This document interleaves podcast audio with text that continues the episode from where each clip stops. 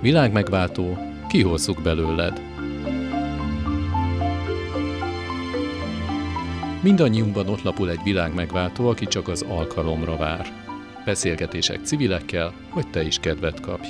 Műsorvezető Sándor Kata, szerkesztő Farkas Bálint.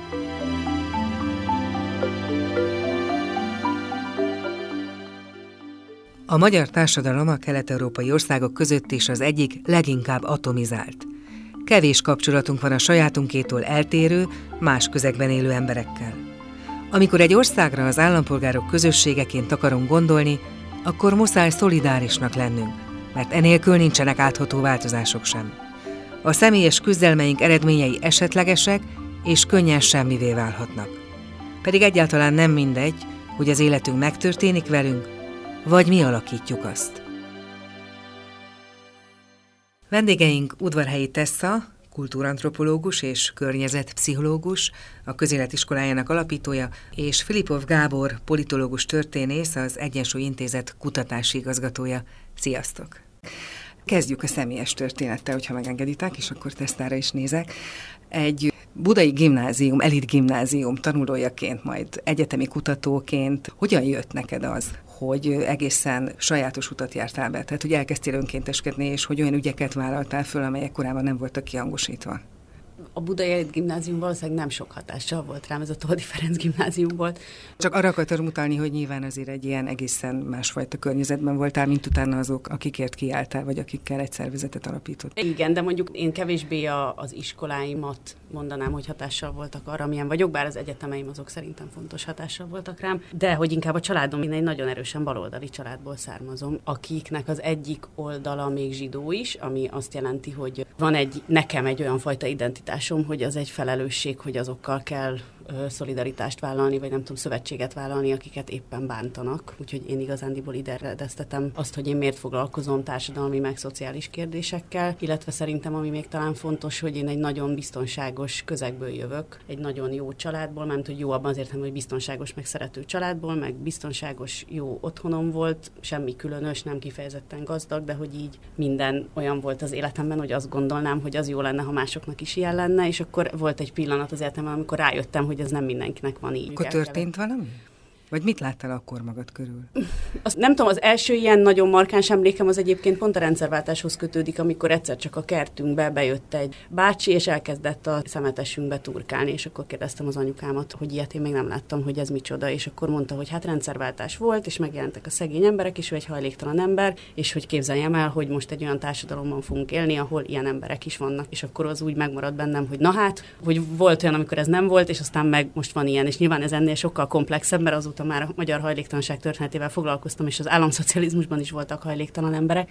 Meg hát közben eltelt ugye 15 év, tehát a rendszerváltás és a között, amikor te igazán elkezdtél aktivistáskodni. Igen, de mondjuk ez egy ilyen gyerekkori élményem, ami így nagyon megmaradt, és egyébként sokáig küzdöttem is azért, hogy a házunkba például ne szereljenek föl mondjuk kapucsengőt, és hogy mindenki bejöhessen a kertünkbe, hogyha akar, mert hogy az ember nem rekeszti ki másokat attól, hogy belépjenek egy helyre. Tehát, hogy egyrészt ez a családi közeg, másrészt meg a, a, az egyetemek, amikre jártam. Én kulturális antropológiára jártam, meg amerikanisztikára, és ez mind a kettő egy ilyen vadi új rendszerváltáskor született szak volt, ahol nagyon erősen ilyen társadalomkritikai megközelítésben néztük a világot, és akkor ez valahogy így elkezdett engem rádöbbenteni arra, hogy amiben én nőttem föl, az nem a normális, már abban az értelemben, hogy az nem mindenkinek adott, az nem vehetem természetesnek, és akkor emiatt elkezdtem foglalkozni azzal, hogy miért van az, hogy nekem ezek megadottak, ezek a dolgok, másoknak pedig nem.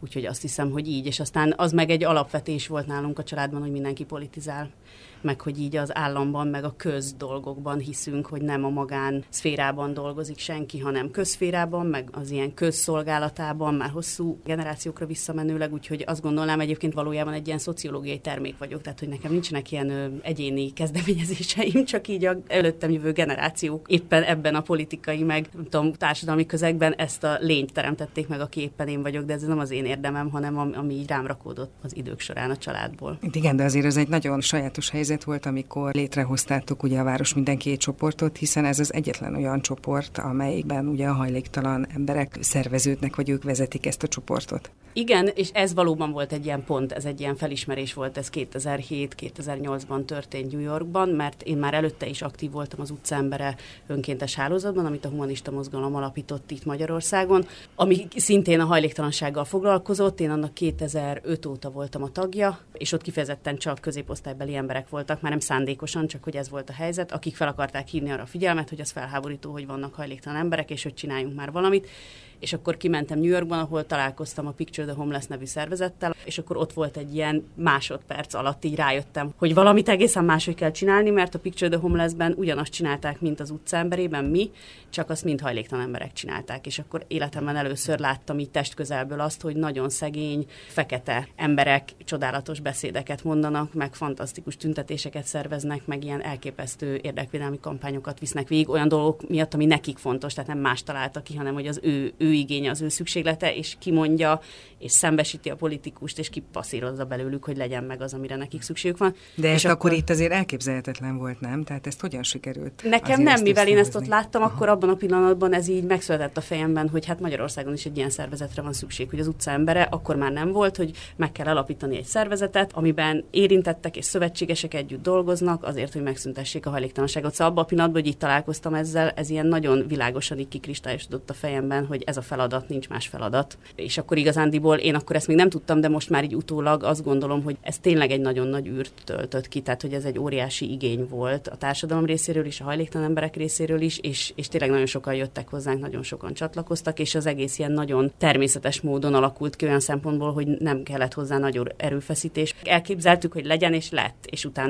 tíz évig nagyon szuperul működött. Most azért mondom a tíz évet, mert én már két éve nem vagyok benne, de hogy két évvel ezelőttig még én is benne voltam önmagában ez az önszerveződés, ez akkor abban az időben azért egy egészen új dolog volt, és ennek a tíz évnek végül is egy ilyen fejlődési folyamata az, hogy utána akkor létrehoztad a közéletiskoláját? Igen. Egyébként szerintem az önszerveződés az nem volt újdonság, az nekem tök fontos, hogy a város mindenkit, amikor megalapítottuk, akkor én is azt hittem, hogy ufók vagyunk, hogy jaj, hát ilyen még nem volt, meg ez ilyen csodálatos új dolog, és aztán végeztünk egyébként egy kutatást a közéletiskolájában, az volt a címe, hogy tettek ideje, ahol a magyarországi, illetve főleg budapesti lakhatási mozgalmak történetét térképeztük fel a 20. században, és kiderült, hogy iszonyú sok ilyen típusú szerveződés volt Budapesten, ahol lakásszegénységben érintett emberek küzdöttek a saját jogaikért, és nagyon sokszor egyébként sikeresen is. Tehát, hogy valójában a város mindenki sem egy furi új dolog, hanem egy történelmi hagyomány része, csak mondjuk ilyen nagy hiátusok vannak ebben a történelmi hagyományban, és a, a város mindenki előtt a rongyos forradalomkor, tehát a rendszerváltáskor volt egy ilyen nagyon nagy fellángolása a hajléktalan emberek önérdekérvényesítésének, és aztán voltak kisebb próbálkozások, meg ilyen önsegítő, meg közösségfejlesztő próbálkozások, de mondjuk a város mindenki volt az első, ami ilyen igazán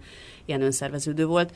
És akkor a közéletiskolája az igen, az ebből nőtt ki abból a szempontból, hogy egy idő után arra jöttem rá, hogy ezt nem lehet csinálni, hogy mi egy ilyen, nem tudom, mi vagyunk a fény az éjszakában, de körülöttünk nincsen semmi. Tehát, hogy van egy érintettek és szövetségesek által szervezett csoport, ami láthatóan nagyon erős, meg sikeres volt, de úgy éreztem, hogy nincs körülöttünk mozgalmi közeg, tehát, hogy nincs egy más érintett csoportok, elnyomott csoportok nem szerveződnek, és akkor a közéletiskolája eredeti gondolata azonnal jött, hogy a város mindenki modelljét, meg módszereit tanítsuk meg más elnyomott csoportoknak, meg más olyan mozgalmaknak, akik szerveződnek a társadalmi igazságosságért. Aztán kinőtte magát, mert most már a közéletiskolája sokkal többet csinál annál, mint hogy a város mindenki modelljét tanítja, de az alapvető értékrendszerünk, meg filozófiánk, meg módszertanunk az mindenképpen a város mindenki és tudásban gyökerezik. Akkor most adjuk át a szót Gábornak, mert hogy ugye az Egyensúly Intézet készített egy kutatást azzal a címmel, hogy kihasználatlan erőforrásunk, bizalom és cselekvő közösségek, és hát eléggé lesújtó képet fest a hazai állapotokról, tehát magukról ugye a civil szervezetek, vagy egyáltalán ugye ez a medzó közösség, ahogy ugye a kutatás is megszólítja ez, ez a család és a nagy társadalom között lévő közösségekről. Miben látják ennek az okát, és milyen következményei vannak egyáltalán egy országra nézve? Arról van szó, hogy a régiónkban ugyanállunk a legkevésbé cselekvő ezen a szinten a társadalom. Ezt a kutatást mi akkor végeztük, amikor tavaly írtuk a Magyarország 2030 című ilyen nagy átfogó politikai víziónkat, hogy merre kellene haladni az országnak, amelynek során azzal találkoztunk, hogy a sikeres országokra általában az jellemző, hogy ezek a mezos szintű közösségek, tehát mondjuk így az egyszerűség kedvéért, hogy a civil szervezkedés az borjánzik, akadálytalanul, az emberek együttműködnek egymással, a lakókörnyezetüket jobbítják, az elesetteket segítik, és így tovább. És Magyarországon azt találtuk, hogy ami általában is jellemző Kelet-Európára és a volt szocialista országokra, de Magyarországra extrém módon jellemző, hogy olyan szinten atomizált a társadalom, ami gyakorlatilag párját ritkítja. Ez azt jelenti, hogy a bizalmi köreink azok általában valóban nem terjednek túl a családon, egészen egyszerűen nem bízunk egymásban, nem bízunk a szomszédunkban, alacsony a kompetencia érzetünk, tehát nem gondoljuk azt, hogy befolyásolni tudjuk a környezetünknek a történéseit, nem gondoljuk azt, hogy jogunk van arra, hogy az érdekeinket, az értékeinket artikuláljuk, és adott esetben a hatalommal szemben is akár, vagy a hatalommal való együttműködést keresve proaktívan tudjunk cselekedni. Eleve ugye az oktatás sem arra szocializál minket, hogy, hogy tegyünk azért, amiben hiszünk, hogy egyáltalán egyáltalán megfogalmazzunk önálló vágyakat, gondolatokat. Ugye ez közismert, ez egy közhely, és egyébként szerintünk ez egyik legnagyobb problémája a magyar társadalomnak, hogy az oktatási rendszerünk a mai napig is olyan, ez a poroszos frontális oktatási rendszer, inkább 19. mint 20. századi szellemiségben, amely nem a demokratikus részvételre ösztönöz, hanem arra, hogy passzívan fogadjuk be azt, amit a, az abszolút autoritás közvetít nekünk, és azt visszamondjuk. Ugye ez a kedvenc példám, hogy mi azt mondjuk, hogy leadjuk az anyagot, és visszaadjuk az anyagot, vagy kikérdezzük az anyagot. Így beszélnek a középiskolai tanárok. Ez nagyon távol van attól, amilyen egy valóban demokratikus társadalomnak a, az oktatása, nevelése kellene, hogy legyen. Ennek nyilván vannak nagyon mélyre nyúló történelmi gyökerei is, hogy Magyarországon ez a civil szervezkedés kultúrája, a demokratikus részvétel kultúrája ez miért nem tudott kifejlődni, de itt a talán az igazán lesújtó az az, hogy ha viszont a hasonló történelmi hagyományokkal, tehát orosz megszállással, a monarchiában való elnyomottság tradíciójával rendelkező országokkal hasonlítjuk össze, Magyarország akkor is kilóg a csoportból ezzel a nagyon-nagyon extrém atomizáltsággal. Úgyhogy szerintünk ahhoz, hogy Magyarországból mondjuk 10-20 éven belül egy, egy igazán virágzó és a mostani jövedelmi kategóriájából kitörő országot teremtsünk, az mindenképpen nagyon fontos, hogy prioritásként kezeljük ezeknek a mezőszintű közösségeknek a létrejöttét, általában az állampolgári aktivitás fejlesztését, az egymás iránti bizalomnak az erősítését, mert egészen egyszerűen azt látjuk, hogy az irigyelt országokban ezek a mechanizmusok ezek sokkal jobban működnek, ennek hatalmas szakirodalma van, hogy a mezoszintű közösségek aktivitása bármivel foglalkozzanak is, iskola környezetek rendbetételével, állatvédelemmel, jogvédelemmel, bármivel, ezek GDP-ben megmutatkozó haszonnal járnak, azon túl, hogy egyébként a morális igényeinket kielégítik. Erre próbál egyébként választ adni ugye a Civil Kollégiumi Alapítvány, amely hitvallása szerint cselekedni kívánó állampolgárok és önszerveződő közösségek segítő-fejlesztő szervezete, és a civil társadalmon belül is különleges helyet képvisel, mert hogy elsőként kezdte meg a közösségszervezést Magyarországon a 2000-es években, és az alapító két szervezet, a Közösségfejlesztők Egyesülete és a Közösségi Kapcsolatok Alapítvány szellemi vezetésében hozták létre a CK, amely azóta is fejleszti folyamatosan a civil társadalommal kapcsolatos anyagait. A szervezet saját fejlődéséről és erről az egyedülálló munkáról Bálint Mónika, a Civil Kollégiumi Alapítvány vezetője mesél most egy kicsit nekünk. Volt egy ilyen elméleti cél, ami az volt, hogy Magyarországon több helyen legyen olyan központ, ami a helyi önszerveződő közösségeknek, civileknek ad lehetőséget a tanulásra, feltöltődésre, kikapcsolódásra, de inkább a közös gondolkodásra. Másrészt pedig volt egy konkrét hely, ez a Kumbábonyi kollégium, ami tanyasi iskola volt, amit ott a 90-es évek elején találtak, és elkezdték felújítani, átalakítani, hogy az első ilyen civil kollégium létrejöjjön. Aztán nem lett több, mert maradt ez az egy, de az volt az eredeti elképzelés, hogy országszerte több ilyen központ legyen. Más szempontból egyébként hogy jöttek létre hasonló helyek, és akkor az első időszakban tényleg a civil szektor fejlesztése, a civil szervezetek fejlesztése és a közösség fejlesztő munkának a terjesztése volt a CK-nak a célja, és a képzési profilban ezek még mindig szerepelnek. Közösség jöjjön létre, ugye ez a legfontosabb feladat. Ezt a folyamatot hogyan kell elképzelni? Tehát, hogy milyen út vezet ahhoz, hogy egy helyi közösségből valóban egy érdekérvényesítő közösség legyen? Kapcsolatépítés az első eleme, hogy nagyon sok embert megszólítunk egy adott közösségben, és akkor ezekből a beszélgetésekből kiderül az, hogy kit mi érdekel, kinek milyen változtatási igényei vannak a saját akár településével, életével, közösségével kapcsolatban, és akkor ezekből az egyénileg elmesélt érdekekből keresnek a szakemberek egy vagy több közös érdeket, és akkor ezek mellett a közös érdekek mellett kezdenek el együtt dolgozni, vagy összeszervezni azokat az embereket, akiknek van valami ilyen kapcsolódása az érdekeik mentén. És ebben a ti szerepetek az, tehát az a katalizátor szerep, hogy a ti szakemberetek az, aki összeszedi ezeket az ügyeket, és ezeket az embereket? Ő egyébként helyi ember? Igen, tehát hogy a CK-nak az a vállalása, hogy felkészít közösségszervezőket arra, hogy ezt a feladatot elvégezzék, tehát hogy megszólítsák a helyi embereket, és a, az első néhány programban, amikor ezt elkezdtük, meg a mostani futóprogram is abból áll, hogy pályázhatnak hozzánk olyan emberek, akik már valamilyen közösség tagjai, vagy látnak maguk körül olyan ügyeket, amin változtatnának, és akkor egy szervezőt képezünk és támogatunk abban, hogy, hogy ő pedig a saját közösségét tudja szervezni és építeni ebből igazából egy szervezetet. Tehát az a mentorálás, amit ti folyamatosan csináltok, az akkor mennyiben más, mint egy ilyen facilitátori vagy más ilyen oktatási uh-huh. program? Igen, hát maga a közösségszervezés folyamata is legalább egy év a gyakorlatban. Ezen a folyamaton egy mentor végigviszi. Tehát onnantól kezdve, hogy megtörténik az első közösségi gyűlés, ahol bemutatja a szervező, hogy milyen ügyeket talált az interjúkban, milyen kapcsolódási pontokat. Onnantól kezdve az a feladat, hogy ezekből nagyon konkrét ügyeket kijelöljenek maguknak a közösség lehetőségek, amiben változást akarnak. Ilyen volt például Pécsbányán az, hogy nem volt fedett buszmegálló, ahol várhatták volna az egyébként elég ritkán érkező buszt, amivel bejuthatnak Pécs belvárosába, vagy fel kell újítani az egyik óvodát, és akkor ezek váltak ilyen érdekérvényesítő ügyekké, amiben bele tudott rakni energiát a helyi közösség is, hogy hogyan valósulnak meg ezek, de meg kellett szólítani a helyi döntéshozókat, hogy ehhez legyen engedélyforrás, stb. És akkor azért ezek olyan folyamatok, amiben az is fontos, hogy a, hogy a szervezetnek a, az emberi bázisa az épüljön, tehát azok, akiket megszólít a szervező, ők először egy ilyen informális szervezetet kezdjenek alkotni, és akkor nagyon sok helyen az az eredménye, hogy, hogy létrehoznak egy saját egyesületet, helyi önszerveződő csoportot, és akkor az is feladat, hogy ennek a csoportnak tagságát fejlesz-e,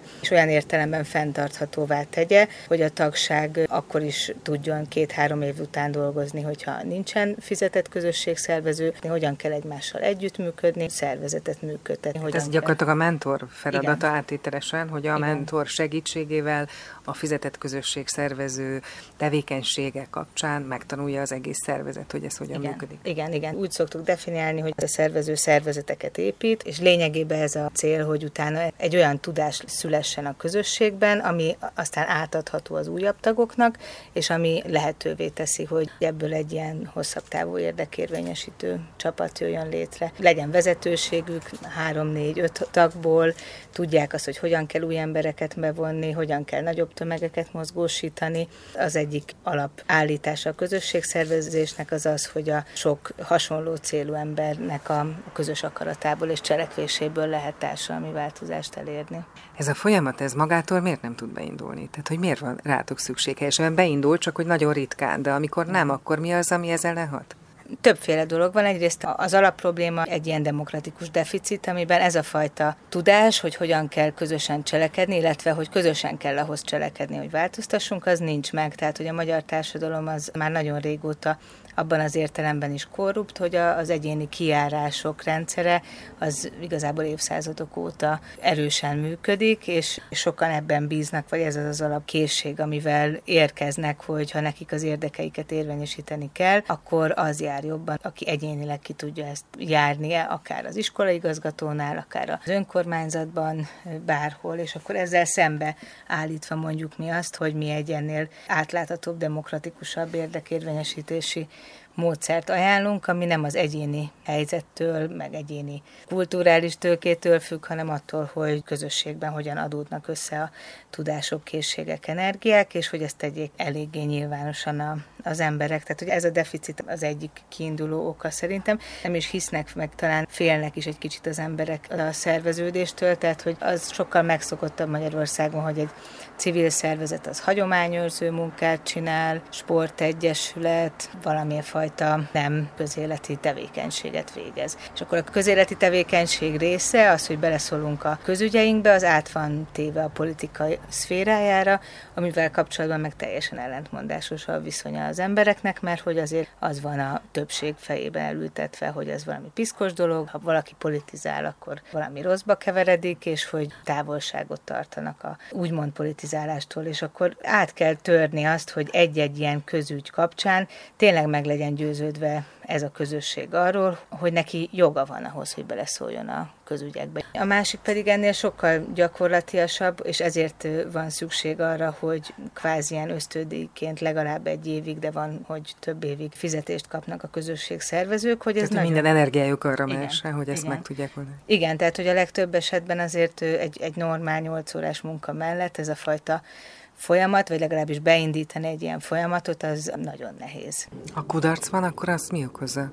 Ezt nyilván sokszor kielemeztétek már, gondolom. Nagyon sok összetevője van. Eleve kis településeken például a megfélemlítettség ez olyan, amivel azért nehéz felvenni a harcot, és sokszor nem sikerül. De mindenhol igazából az a kulcsa, hogy mekkora közösségi támogatottságot tud elérni a, az a csoport. Ezért is mondtam azt, hogy mi azért abba hiszünk, hogy a igazi társadalmi változásokat sok ember megmozgatásával lehet elérni akkor is, hogyha 10-20 ember van egy adott településen, aki ilyen szempontból aktív, hogyha a közösségnek egy nagy része mondjuk helyesli azokat a dolgokat, amit csinál, egyetért azokkal az ügyekkel, amiket ők elkezdenek kihangosítani, akkor, akkor megtörténik ez az áttörés.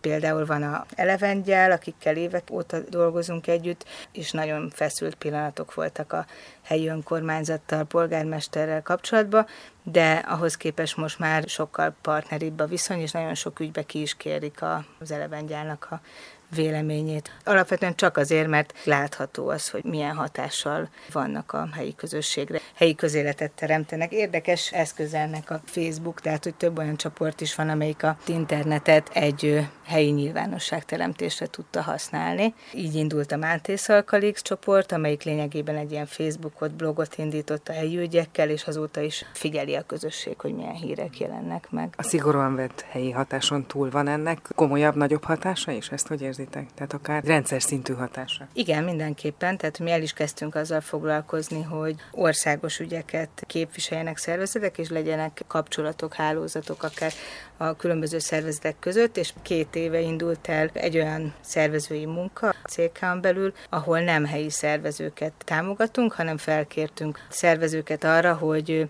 témák mentén kezdjenek el összeszervezni koalíciókat. Ennek az egyik eredménye például a Nagy Tavak koalíció, amelyik a Balatonfertőtó, Tataitó, Velenceitó-nak a helyi csoportjainak az összefogása, akik így képzéssel, meg mentorálással, segítéssel egymásra tudtak találni, és közösen meg tudták fogalmazni az érdekeiket, kiállnak egymás mellett, és együtt tudják képviselni azt, hogy hogyan lehetne a nagy beruházásoktól megmenteni ezeket a tavakat. Hasonló munkát végeznek Pest megyében, ami most még egy ilyen barátkozás szintjén van, hogy az ott lévő önszerveződő csoportok ismerjék egymást, és találjanak közös kapcsolódási pontokat. A harmadik az pedig ilyen fiatal roma szervezőknek az összekapcsolódása.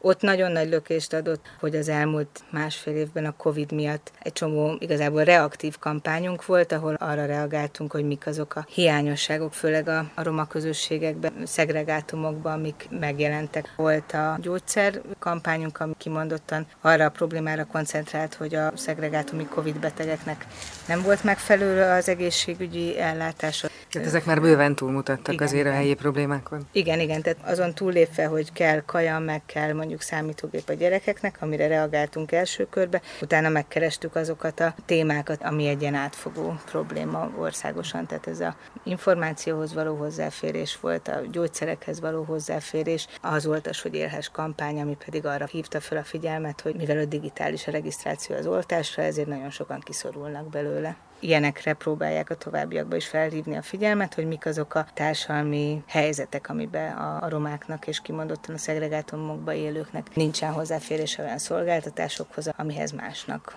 van. És van egy másik munkacsoportunk, az pedig kimondottan az oktatással foglalkozik, ott is az oktatáshoz való hozzáférés az egyik ilyen kiemelt probléma. Most ugye az országos találkozó után beszélgetünk. Milyen sűrűn találkoznak egyébként a közösség szervezők, vagy osztják meg a tapasztalataikat, vagy saját maguk is okosítják egymást? Uh-huh. Azok, akik jelenleg támogatást kapnak, tehát valamelyik programban részt vesznek, velük igyekszünk negyed évente találkozni. Élőben, most a Covid miatt volt olyan időszak, hogy sűrűbben eventet, akár havonta csináltunk kisebb online találkozókat, és akkor évente van ez a nagyobb találkozó, az országos találkozó, ahova viszont nem csak a szervezőket hívjuk, hanem a csoportjaik tagjait, a korábbi szervezőket, partnerszervezeteket, akikkel sokat dolgozunk együtt, és akkor ez egy lehetőség arra, hogy egy kicsit így módszertanilag haladjunk. És ami nagyon nagy örömünk az az, hogy mi korábban magukba a képzésekbe is, amikor el kellett mondani, hogy mi a közösségszervezés, mik annak a lépései, milyen kampányokat lehet tervezni, akkor elsősorban külföldi példáink voltak, ezeknek a 80% amerikai példa volt, de volt szlovák-román példa is, de most már hat évvel, teltével, hogy vannak közösségszervezők, akik főállásba vagy félállásba ezt a munkát végzik. Most már szinte 90%-ban magyar példákkal tudjuk ugyanezeket a képzéseket átalakítani, mivel hogy nem egy formális oktatási szituációban szoktunk dolgozni, ezért az, hogy a résztvevők megosszák a tapasztalataikat, az, az egy elsődleges szempont. Tehát vannak sikerek, mint hallottuk, de ennek ellenére azért a, a társadalom véleménye, és itt egy másik kutatásra szeretnék hivatkozni, amit a civilizációkért, és amiből kiderült, hogy már az emberek 70%-a nyitott arra, hogy támogassa a civileket, vagy akár saját maga is részt vegyen. Ennek ellenére nagyon sokan ezzel együtt, vagy ezzel párhuzamosan megfogalmazták azt is, hogy na de jó, de mi értelme van? Tehát ha nem támogatom azért, mert mi értelme van, ez olyan, mint egy lyukas csónakból folyamatosan meríteni a vizet, hiszen a társadalom úgyis újra termeli ezeket a problémákat. Mi értelme van? Támogatni a civil szervezeteket? Vagy részt venni a civilségben? Egyébként szerintem az fontos, hogy ne hívjuk így, hogy civilség, mert hogy a kicsit olyan, mint egy ilyen szektában való részvétel. Én valahogy azt szeretném elérni, hogyha az emberek azt ismernék föl, hogy a civilek, meg a civilség az nem egy ilyen valami különálló furi csoport, akik így ott valamit csinálnak, és úgy tiszteljük őket, meg csodáljuk őket, de ők nem mi vagyunk, hanem hogy valójában itt arra lenne szükség, hogy mindenki magát állampolgárnak tekintse, nem csak papíron, meg nem csak személyigazolvány alapján, sőt, nekem nem is érdekes, hogyha van neki személyigazolványa, nem, hanem hogy állampolgárnak, mint politikai cselekvőnek tekintse. És ebben az értelemben szerintem az, az hozna igazán nagy változást Magyarországon, hogyha az emberek nem a civileket támogatnák, hanem hogyha ők maguk elkezdenek úgy viselkedni, mint cselekvő mhm. politikai lények. Uh-huh. Tehát a sok-sok szerepük mellé, hogy mondjuk ők körbe. szülők dolgoznak, sokféle dolgot csinálnak, emellett legyen egy ilyen polgári szerepük, egy polgári mi voltjuk is. Igen, illetve hogy tulajdonképpen az önmagában lehet egy állampolgári vagy egy polgári lét, ahogy az ember él. Tehát, hogy nem kell elválasztani a, nem tudom, a magánéletet, meg a közéletet, meg a politikát, hanem hogy lehet úgy élni, hogy ezek így össze tudnak fonódni, és egy kicsit természetesebben tudnak az életünkben megjelenni, és nem egy ilyen elkülönült szféra, hogy most elmegyek önkénteskedni, vagy most elmegyek szavazni. Nyilván ezek fontosak, meg én nagyon-nagyon támogatom az önkéntességet, de például a, az önkéntes részvételt is én akkor tartom igazán jónak, hogyha az nem egy ilyen leválasztok két órát az életemből, és akkor most jó ember leszek, hanem hogyha az önkéntesség az maga az aktív állampolgárság. Tehát, hogy azért segítek másoknak, meg azért veszek részt önkéntesen fizetség nélkül, mert az nekem fontos, vagy mert az másnak fontos, és ezáltal egyébként jogot nyerek arra, hogy beleszóljak a dolgoknak a menetébe. Tehát az a típusú önkéntesség, ahol csak mondjuk a fizetett munkatársakat helyettesítjük önkéntesekkel, az szerintem jó, de nem elég. Az az önkéntesség jó, ahol az önkéntes maga is öntudatra ébred, és azt gondolja, hogy akkor én most szeretnék véleményt mondani arról, ami most éppen történik, szeretnék beleszólni abba, ami történik,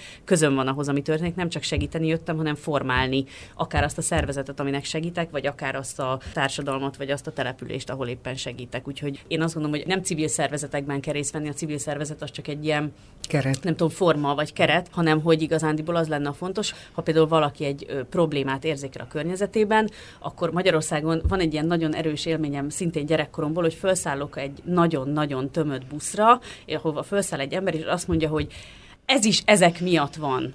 És hogy semmi más nem mondott, csak az, hogy ez is ezek miatt van, és mindenki tudta, szerintem, hogy miről van szó, hogy a tömött busz és a rossz tömegközlekedés az a kormány miatt van ez így tök sokszor megszokott bennem fogalmazódni, hogy értem, hogy ez ezek miatt van, de hogy nem lehetne, hogy akkor elgondolkozunk azon, hogy hogy lehetne másképpen, mármint, hogy nem mindig csak így kinyilatkoztatnánk, hogy, hogy kiből van elegünk, meg ki menjen el a fenébe, hanem hogy megértenénk, hogy mik azok a folyamatok, ami által mondjuk egy tömegközlekedés rosszul működik, és mi állampolgárok hogyan tudunk beavatkozni abba, hogy az jól működjön, és ne csak így kihányjuk magunkból a panaszainkat, hanem megtanuljunk cselekedni. És mondjuk, amit a Móni is egyébként mondott az interjúban, az nekem nagyon fontos, én is azt látom, hogy a magyarok azok nagyon jók az egyéni önérdekérvényesítésben, meg a kiárásban, meg az ismerősök megkeresésében, de én is a kollektív érdekérvényesítésben hiszek. Tehát amíg csak mindenki egyénileg kiár magának valamit, de azt nem másokkal együtt csinálja, vagy akár mások ellen jár ki magának valamit, vagy nem ismeri föl, hogy a sok más embernek is a, az érdeke, addig igazándiból valódi változás nem fog történni. Az egyéni sérelmeinket el fogjuk intézni, de valódi ilyen rendszer szintű, vagy, vagy ilyen öm, átható változás, az csak akkor történik, hogyha emberek kollektíven felismerik a közös érdekeiket, és nagyon kínszenvedősen megalakítanak csoportokat, amik utána kiharcolnak dolgokat, mert azok sokkal hosszabb távúak lesznek, meg maradandóbbak, és ami fontos, hogy tanulnak is közben, mert ugye ami a közéletiskolájának a jelmondata, hogy a demokrácia nem főnév, hanem ige, csak akkor van, ha csináljuk, meg hogy a demokrácia az nem csak tanulható, hanem tanulandó, nem úgy születünk, hogy tudjuk csinálni, hogy ezek által a cselekvések által kezdjük el megélni azt, ami a demokrácia, ami mindig nagyon küzdelmes, meg nagyon konfliktusos, meg iszonyú nehéz egyébként, a demokrácia az nem egy kényelmes, meg kellemes dolog, de ha az ember úgy beletanul ebbe a habitusba, akkor a mindennapi élete során nem egy elkülönült szférában csinálja ezt, hogy civilkedik idézőjelben, hanem él állampolgárként egy országban, és egyszerre saját magáért tesz, meg a másokért tesz, és alakítja azt a környezetet, amiben él. Gábor nagyon határozottan bólogat. Igen, mert azt gondolom, hogy a demokrácia nem kényelmes, de nagyon kellemes dolog. Én erre, erre szerettem volna kellemes, felhívni. Nem tudom. Erre szerettem felhívni a figyelmet, hogy itt amiről beszélünk, az az állampolgári kompetencia érzet, ami szerintem nem egy politikai, hanem hogyha úgy tetszik elnézést a kifejezésért ontológiai fogalom, tehát hogy mi, mint emberek, az életet alakítjuk, vagy az élet megtörténik velünk, és ez egy elképesztő személyes erő tud lenni. Mi részt vettünk még egy korábbi munkahelyemen egy olyan projektben, ahol Magyarországnak a legszegényebb településeire mentünk, nagyon hátrányos helyzetű gyerekekkel ilyen demokratikus iskolát csinálni, ami nem azt jelentette, hogy megtanítottuk, hogy hány főből áll a Magyarországgyűlés, akkor 386 volt még, hanem demokratikus élményeket próbáltunk átéletni velük, hogy ilyen szépen fogalmazzak. És ezek a gyerekek, akik egészen addig csak azzal találkoztak, hogy a felnőttek azok hogyan lépnek az arcukba, hogyan utasítják őket a helyükre, hogyan szóródnak ki minden intézményből és szolgáltatásból, önmagában egy ilyen iskolai szimulációs helyzetben, ahol meg kell győzniük másokat, valamilyen nagyon apró projektet végig kellett vinniük, és valamilyen célt megfogalmazni és elérni. Látható volt a szemükben, hogy felébredott valami méltóság, és valami önbecsülés, és valami egészen más élmény, mint amiben részük volt eddig ha már azt mondjuk, hogy állampolgári létezés, tehát az emberi létezéshez, hogyha hozzáadjuk az állampolgárit, az valami elképesztő többlet, akkor is, hogyha eltekintünk attól, hogy érdekeket kell érvényesíteni és a környezetünket javítani, egy más minőségű életet jelent. Tehát én ezért mondom azt, hogy végső soron a sok kellemetlenség végén ott van az, hogy a demokratikus aktivitás az egy kellemes dolog. Mi ezt is szoktuk, hogyha mondjuk gyerekekkel beszélgetünk arról, hogy miért fontos az állampolgári lét, ezt is szoktuk megpróbálni átvinni, hogy ez sok kellemetlenséggel, konfliktussal, vitákkal jár, a vitáktól nem kéne félni, hanem szeretni kellene őket, teszem az zárójában, de hogy a végén egészen egyszerűen az életünk lesz tényleg jobb, és nem az a helyzet, ami egyébként bennünk van magyarokban általában kicsit érzésként, hogy jaj, jobb a helyeben maradni, mert abban csak konfliktus lesz, meg baj lesz, meg bajom lesz belőle, és a változatlanság még mindig biztonságosabb, mint hogyha valami megpróbálok változtatni. És akkor ehhez kapcsolódva, hogy hozzak be még egy fogalmat, ugye ez a mentális egészség uh-huh. fogalma, ugye azt jelenti, hogy közösségben dolgozni, közösen cselekedni, közös érdekekért tenni, ez ugye a lelki jólétet is nagyon erősen befolyásolja, és azt ugye régóta tudjuk, hogy most már azt, hogy egy társadalom vagy egy ország milyen szinten szinten van, azt nem feltétlenül a pénzben mérjük, tehát a GDP-ben, hanem ebben a jólétben, és ez a jólét alapvetően lelki jólétet jelenti. Ezt gondolom, te ezt személyesen is meg tudod erősíteni, hogy ez is egy fontos, hogy hogy éljük meg a mindennapokat. Abszolút, és akkor ebbe egyrészt azért itt behoznám az állam szerepét, szóval, hogy az állampolgárok önmaguk egyedül nem fognak tudni soha jó országokat létrehozni addig, amíg államokban élünk, már mint hogy ilyen szervezett politikai közösségekben, tehát hogy csak hogy fontos, hogy szerintem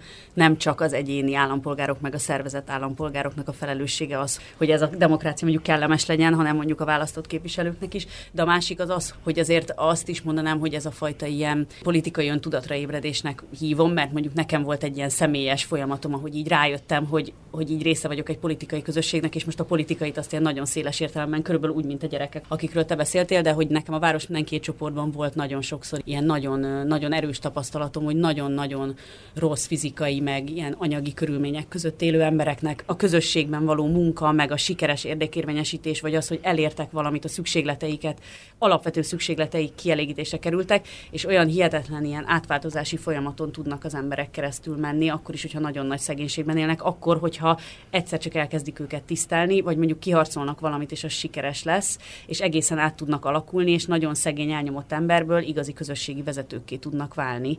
És ez tulajdonképpen ebben az értelemben maga a politikai részvétel a terápia, mármint hogy az a fajta folyamat, amitől az ember visszaszerzi a mentális egészségét, ami pedig ahhoz kell, hogy utána egyébként tényleg állampolgárként tudjon viselkedni, tehát hogy öntudatosan ne hagyja, hogy nem tudom, visszaélések történjenek vele, de akár bocsánatot is tudja kérni, vagy el tudja ismerni a hibáit, tehát hogy elér egy olyan ilyen nem tudom, létezési formába, amikor tud a környezetével ilyen kreatív kapcsolatba kerülni, hogy bizonyos dolgokat rombol, amik mondjuk így nem jól működnek, és más dolgokat meg épít, amikre meg úgy gondolja, hogy szükség van. Arról már szó esett egy-két mondatban, hogy miért jó az, hogyha ugye erős a civil szféra egy országnak, de hogyha ezt még több irányba ki akarjuk bontani, akkor ezt hogyan lehetne jellemezni? Tehát miért más egy olyan ország, ahol erősen működik egy civil szektor? Nagyon sok... Ezt, ezt nem is szeret. Igen, hogyha civil aktivitásról beszélünk, én is azért arra gondolok, nem csak arra, hogy szervezett jogvédelem, vagy, vagy nem tudom, ilyen akár hajléktalanokat védő csoportok, egy olvasókör, egy vallási közösség, egy iskolai szülői közösség, nehogy Isten diákok bevonásával például. Tehát tényleg egy minőségi állampolgári lét, azt szerintem nagyon sokféleképpen átszövi ez a sokféle tevékenység, ami alapvetően egyébként a legközelebbi életvilágomnak a, a jobbítását szolgálja, és ebben a tevékenységben én ezt szeretem kiemelni általában, bár ez csak egy része annak, hogy miért jó a sűrű közösségi cselekvés, de az egyik legfontosabb része az, hogy az embernek ilyen helyzetben van a legjobb lehetősége arra, hogy más társadalmi helyzetben élők és más élmények alapján szocializálódott emberekkel tudjon érintkezni, megértse a másik embernek az élethelyzetét, a fájdalmait, ne Isten azt, hogy az illető miért gondolkodik másképpen dolgokról, mint ahogy ő. És az alapvető fontosság a társadalmi kohézióról beszélünk, hogyha egy nemzetnek az összetartozás tudatáról beszélünk, hogy megismerjünk másfajta élethelyzeteket. Hogyha belegondolunk megint csak milyen a magyar oktatási rendszer, legkésőbb negyedik vagy nyolcadik általános iskolai osztályig szétválasztja egymástól a különböző társadalmi hátterű gyerekeket, akik onnantól kezdve jó eséllyel nem is fognak nagyon átjárni, vagy átlátni másik társadalmi osztályokba. Legfeljebb, hogyha valamilyen szolgáltatási viszony jön köztük létre, de az ugye nem nem feltétlenül a szolidaritást tudja erősíteni.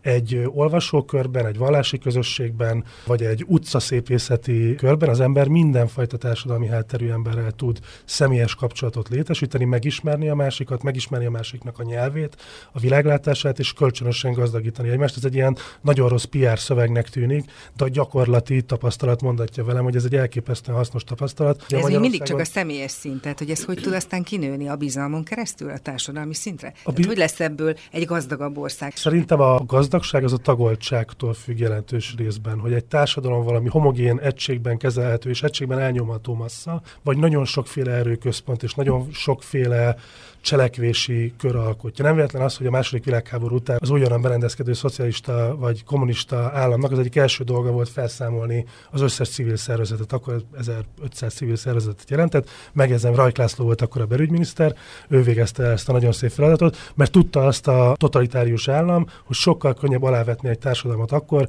hogyha nincsen ilyen tagoltság, amely megerősíteni a, a cselekvési erejét. Ez szerintem egy nagyon fontos tényező. A másik az, hogy ha én civil szervezetekben, civil civil szervezkedésben vagy közösségi cselekvésben megtanulok együttműködni a másikkal, ezek az együttműködési minták, ezek a viselkedési minták, amiket nem születünk együtt, hanem ezeket megtanuljuk időközben, ezek aztán a gazdasági kapcsolatokban is meg tudnak mutatkozni. Nyilván nem azért kell civil szervezkedésben részt venni, hogy erősebb legyen a gazdaság, meg a vállalati szféra, és nagyobb legyen a GDP, de így hat a gazdaságra a nagyobb bizalmi szinten keresztül, a jobb együttműködési mintákon keresztül. Ez ilyen nagyon puha dolognak hangzik, de elképesztően nagy empirikus közgazdasági irodalom értelme van annak, hogy mennyire szoros az összefüggés a kisközösségi cselekvés és a gazdaságnak az olajozottabb működése között.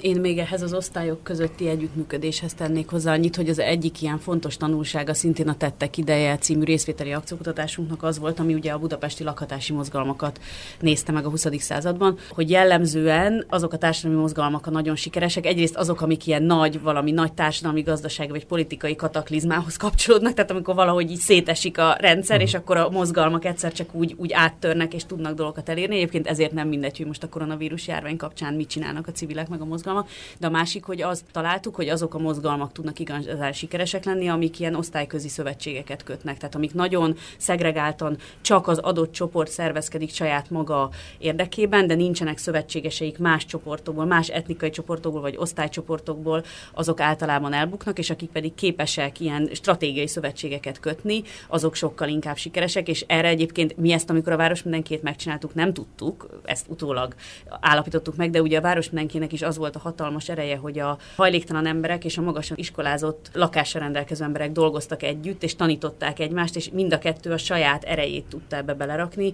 és ettől tudott igazán átütő lenni a hatása, de ez általában társadalmi mozgalmaknál is így van, mondjuk, ha csak amerikai példát veszünk, hogy nem magyart hozzunk. Ugye a, a fekete polgárjogi mozgalom is akkor tudott igazán áttörni, amikor a fehér progresszív középosztálya szövetséget tudta kötni, de ugyanígy a magyar lakhatási mozgalmaknál is. Azok a mozgalmak, amik mondjuk csak kunyhó lakók szervezkedtek saját magukért, ők sajnos általában elbuktak, és elbontották a kunyhóikat, ez a század elő Budapestjén is így volt, és azok a mondjuk munkáslakásokban élő emberek, akik pedig szövetséget kötöttek mondjuk a szociáldemokrata ügyvédekkel, akik jellemzően magas osztálybeliek voltak, ők pedig sikeresen elérték azt, hogy ne lakoltassák ki őket, hogy jogi védelemben részesülnek, tehát hogy ez az ilyen osztályközi együttműködés, ez kell mozgalmi szinten is ahhoz, hogy sikeres legyen, nem csak ilyen nagy társadalmi szinten. És bocsánat, ez szerintem visszavezet oda, amiről korábban beszéltünk, hogy az egyéni kijárások és kiskapuk rendszer az miért egy veszélyes dolog. Sokkal könnyebb leszalámizni egy olyan társadalmat, ahol minden impulzusra az bennem a válasz, hogy na jó, de nekem megvan még az a csatornám,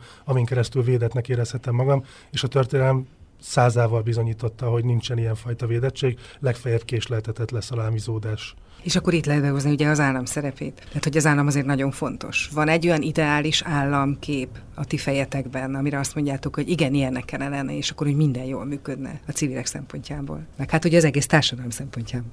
Van. Az ideális állam, az szerintem okos hosszú távon tervezi meg a stratégiáját, és felismeri azt, hogy bár rövid távon úgy tűnhet, mintha az akadálytalan cselekvés és a korlátlan hatalom az jó neki, hosszú távon a tapasztalat igazolja, hogy nem jó neki. Tehát a korlátozott hatalom a történelmi tapasztalatok szerint mindig hosszú távon sikeresebb, mint a korlátlan hatalom. Egy jó állam azt szerintem ezt felismeri. Egy jó állam elősegíti azt, hogy a kisközösségi szerveződésnek a kultúrája kialakuljon, hogy jó gyakorlatok, civil szerveződési sikereknek az ismerete az terjedjen. Adott esetben ilyen tudás adatbázist hozhat létre, ne alulról kell ezeket létrehozni, és mindenek előtt szerintem a legfontosabb feladat az államnak ilyen típusú kulturális kérdésekben mindig a közoktatásban mutatkozik meg. Tehát hagyja-e, ne Isten elősegíti-e, hogy a közoktatás rendszerében megjelenjék az állampolgári kultúrának valamilyen fajta oktatás, amely oktatás nyilvánvalóan nem egy lexikális tudás átadást jelent, hanem ezt a bizonyos viselkedési mintáknak, élményeknek az átadását. Ami pillanatnyilag leépítés alatt van. Hát, hogyha nagyon optimisták akarunk lenni, akkor azt mondhatjuk, hogy tavaly önálló tantárgyként 2020-ban bevezették végül is az állampolgári ismereteket, és a Nemzeti Alaptantárban vannak nagyon szép mondatok arról, hogy ez hogyan nem lesz majd frontálisan oktatott tantárgy. A gyakorlatban egy picit borúsabban láttam a dolgot, de a törekvés az engedjük meg, hogy megvan legalább pártok felett állóan. Szerintem itt nagyon-nagyon sok tennivaló lenne. Egyébként az Egyensúly Intézet pont két hete jött elő a saját demokratikus nevelés koncepciójával, ami pont erről szólna, hogy az állam teremtse meg a lehetőséget. Nem mondja meg, hogy hogyan tanítsuk demokráciára a gyerekeket, mert abban nehéz elképzelni, hogy nem indoktrináció lesz, de teremtse meg a lehetőségét annak, hogy azok a pedagógusok, akik erre kiképeztek, nem utolsó sorban az iskolának az általános demokratizálásán keresztül, illetve egy jól kidolgozott és adott esetben mondjuk projekthetek keretében oktatott demokratikus nevelés tantárgy keretében megtanítsák azt a, a diákoknak, hogy milyen érzés cselekedni, kezdeményezni, vitatkozni, néha alul maradni, néha győzedelmeskedni, milyen érzés koalíciókat kötni, és milyen érzés együttműködni olyan emberekkel, akikkel adott esetben 10-ből 9 kérdésben egyébként nem értünk egyet. Ez egy kicsit hasonló a közéletiskolájához. Igen. Meg nem válaszoltál még, hogy számodra hogy milyen az ideális államkép. Én nagyon szeretem az államot. Szerintem egy nagyon fontos dolog. Nagyon szeretem a társadalmi mozgalmakat is, de valahogy a kettőnek együtt kéne jól működnie, és nagyon sajnálom egyébként, hogy most az államot egy ilyen, hát hogy leépítik abban az értelemben, hogy az emberek elvesztik minden hitüket az ilyen közhatalomban. Mert az én ideális államom az egyrészt nagyon erősen újra elosztó, tehát hogy nagyon-nagyon figyel arra, hogy a társadalmi egyenlőtlenségeket minél inkább minimalizálja, és nem lefelé, hanem fölfelé, tehát hogy minél, mindenkinek legyen biztonságos otthona, legyen olyan szociális háló, ami nem is szociális háló, hanem hanem egy ilyen alapvető, az élet alapvető minimumait megteremtő háló, ami nem engedi, hogy a piac az nagyon-nagyon erősen elszaladjon, és bizonyos ilyen gazdasági érdekek azok dominálhassanak mondjuk az emberek alapvető szükségletei fölött. Az én ideális államom az egyébként nagyon jól teljesít is, tehát hogy ebben az értelemben okos, már mint hogy okos, hogy így, hogy nagyon figyeli saját magát, hogy egyébként csinálom-e azt, amit kell, tehát csinálom-e azt, amire az embereknek szükségük van, vagy pedig elkezdek saját magam fenntartásával foglalkozni. Nekem a mai magyar állammal nem csak az a problémám, hogy elnyomó meg autoriter, mármint most a központi államról beszélek, hanem az is a problémám, hogy nem feltétlenül felém van az arca, mint állampolgár, hanem saját maga felé, tehát hogy nagyon saját magával foglalkozik, és nem az emberek alapvető igényeivel.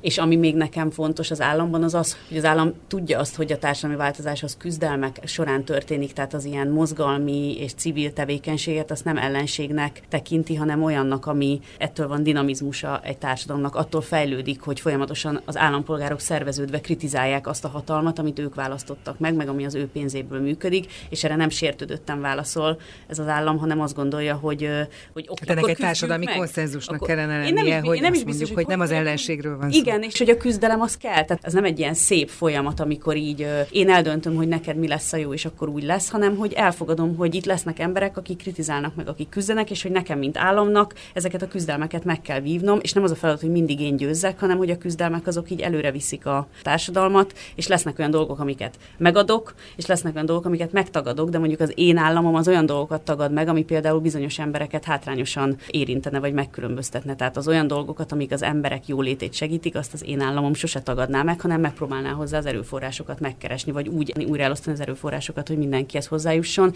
És ami nekem az ideális államom, az, az mondjuk a szabadságra épít. Tehát, hogy annak fontos az, hogy az emberek szabadon tudjanak cselekedni, meg gondolkodni, meg megszerveződni, és hogy ezt, ezt alapvetésnek tekinti, és nem valamilyen, nem tudom, ilyen liberális maszlagnak, ami ilyen futottak még jó, ha van, de nem muszáj, hogy legyen, hanem hogy a, az anyagi jólét, az egyenlőség és a szabadság azok így együtt. Tehát, hogy az államnak az a dolga, hogy ezeket biztosítsa. Én még hadd tegyek hozzá egyetlen egy dolgot, hát ha mindenkori magyar állam is hallgat minket, és akkor most őt próbálom meggyőzni, hogyha már azt mondtam, hogy az én államom az okos állam, hogy az állam szerintem azt is felismeri, hogy a 21. századnak a társadalmai, főleg a fejlett világban és Magyarország akárhogy nézzük a fejlett világnak a része, globális összehasonlításban.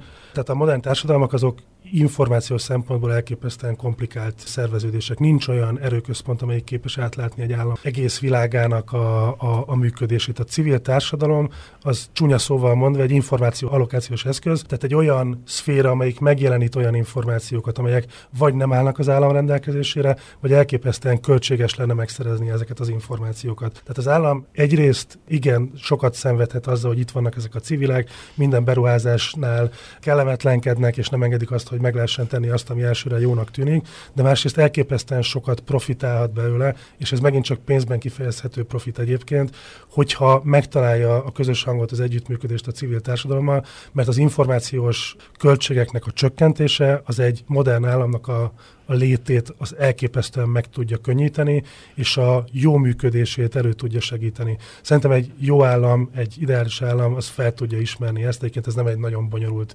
felismerés, és el tudja fogadni azt, hogy a sok kellemetlenségnek egyébként nagyon nagy megtérülése van ilyen szempontból. Rá akarsz reagálni, Tesza?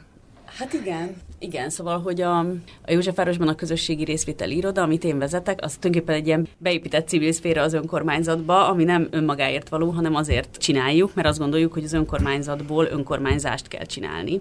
Mert hogy most igazándiból az önkormányzatok nagyon sok szempontból ilyen tanácsi hivatalként működnek. Kicsit az ilyen államigazgatási, ilyen bürokratikus feladatokat elvégzik, de valójában nem szervezik a helyi társadalmat, meg nem feltétlenül reagálnak jól a helyi igényekre, és a helyi lakók hangja nagyon kevéssé nyilvánul meg egyéb egyébként a két választás közötti időszakban, és a, a mi feladatunk, mint részvételi oda most, ebben a pillanatban egyébként pont egy kicsit ez az ilyen eszmetlen mennyiségű információgyűjtés, tehát hogy mi nagyon-nagyon sok ilyen elemzést, meg összesítést csinálunk azzal kapcsolatban, hogy a Józsefvárosiak miért keresik meg az önkormányzatot, mivel van problémájuk, mik a kritikáik, és hogy ezekre milyen jó szakpolitikai válaszokat lehetne adni. Nyilván nem a részvételi iroda tudja megadni ezeket a szakpolitikai válaszokat, de mi vagyunk az a csatorna, amiben az emberek belövik az összes gondjukat és javaslatukat és ötletüket, amit mi pedig utána összesítünk és eljuttatunk a döntéshozókhoz, meg a szakpolitikusokhoz, hogy na erre van szüksége a Józsefvárosiaknak, csináljatok ezzel valamit, és nyilván az majd egy következő hogy úgy mondjam, csúnya kifejezéssel szintje lesz az önkormányzásnak, amikor már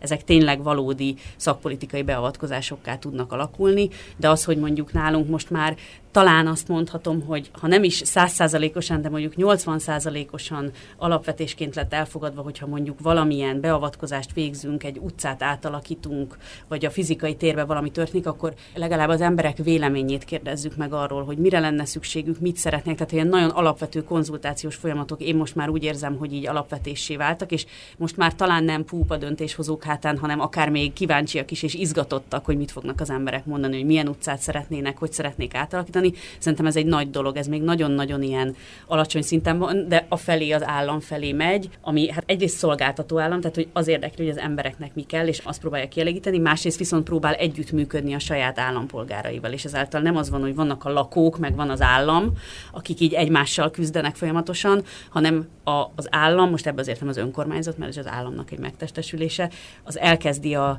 az ott lakó embereket partnernek tekinteni, tulajdonképpen akiknek az életére megy ez a játék, akiknek igazán tétje van a dolgoknak, és, és figyelembe veszi, amit ők szeretnének, és nem csak felületesen veszi figyelembe, hanem tényleg mélyen megérti, hogy mire van szükségük, és megpróbál arra reagálni, és egyébként itt az embereknek is van tanulnivalójuk, mert nekik meg meg kell tanulniuk, és akkor itt visszatérünk a bizalomhoz, meg kell tanulniuk bízni a választott képviselőkben, meg a saját önkormányzatukban, hogy nem fogják őket átverni, és hogyha megkérdezik a véleményüket, akkor azt figyelembe fogják venni, ez egyébként most azért még egyik oldalról sincsen meg százszerzalékosan. Tehát az emberek rettenetesen nem bíznak abban, hogyha megkérdezik a véleményüket, akkor avval fog valami történni. Ez és inkább nem mondják el. Vagy nem mondják el, vagy azt mondják, hogy hiába mondom el, úgyse lesz semmi, vagy nem gondolja végig rendesen, mert azt gondolja, hogy úgyis csak pusztába kiáltott szó, minek gondolkozzak rajta, úgy érdekel senkit. Az önkormányzaton meg sokszor mondják, hogy ja Isten, véleményeztetés, jó van, mondják el, de hát mi már úgy is tudjuk, hogy mit fogunk csinálni.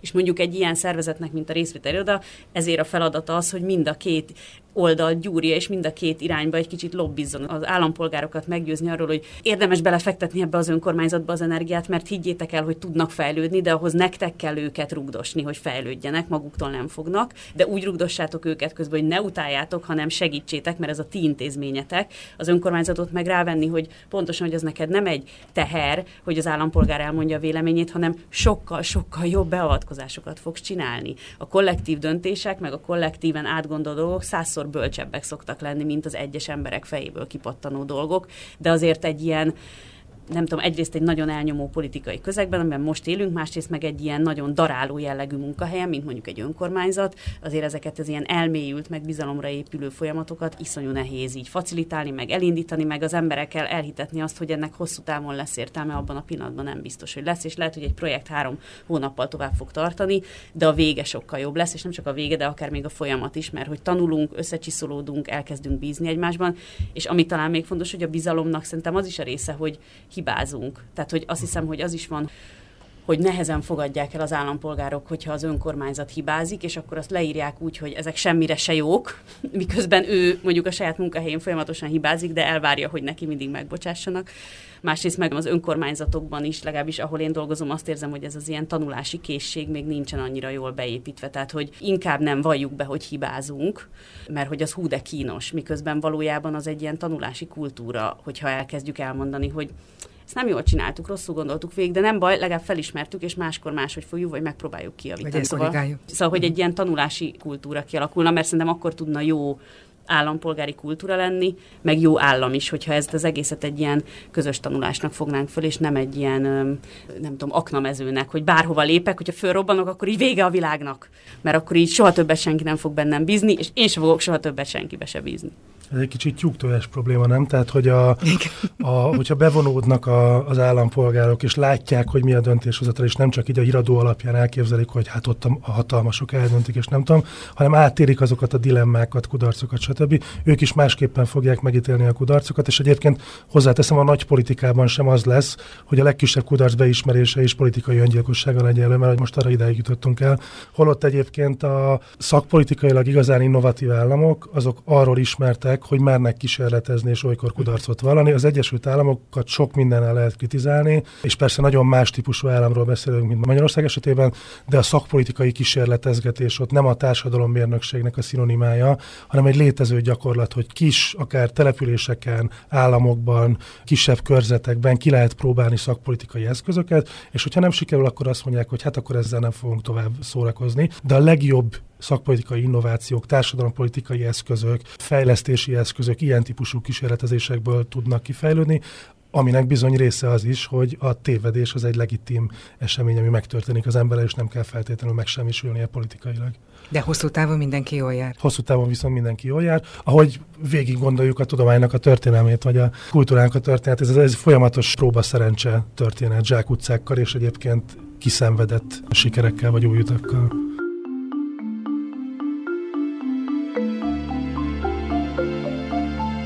Ennyi volt mai adásunk. Köszönjük, hogy velünk tartottatok.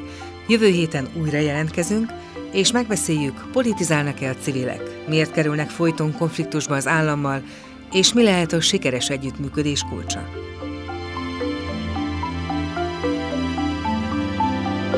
Világmegváltó, a civil podcast. A podcastot az Ökotárs Alapítvány készíti a Reclaim Our Civil Space projekt keretében, amely Izland, Liechtenstein és Norvégia támogatásával valósul meg az EAA and Norway Grants Found for Regional Cooperation pályázatán keresztül.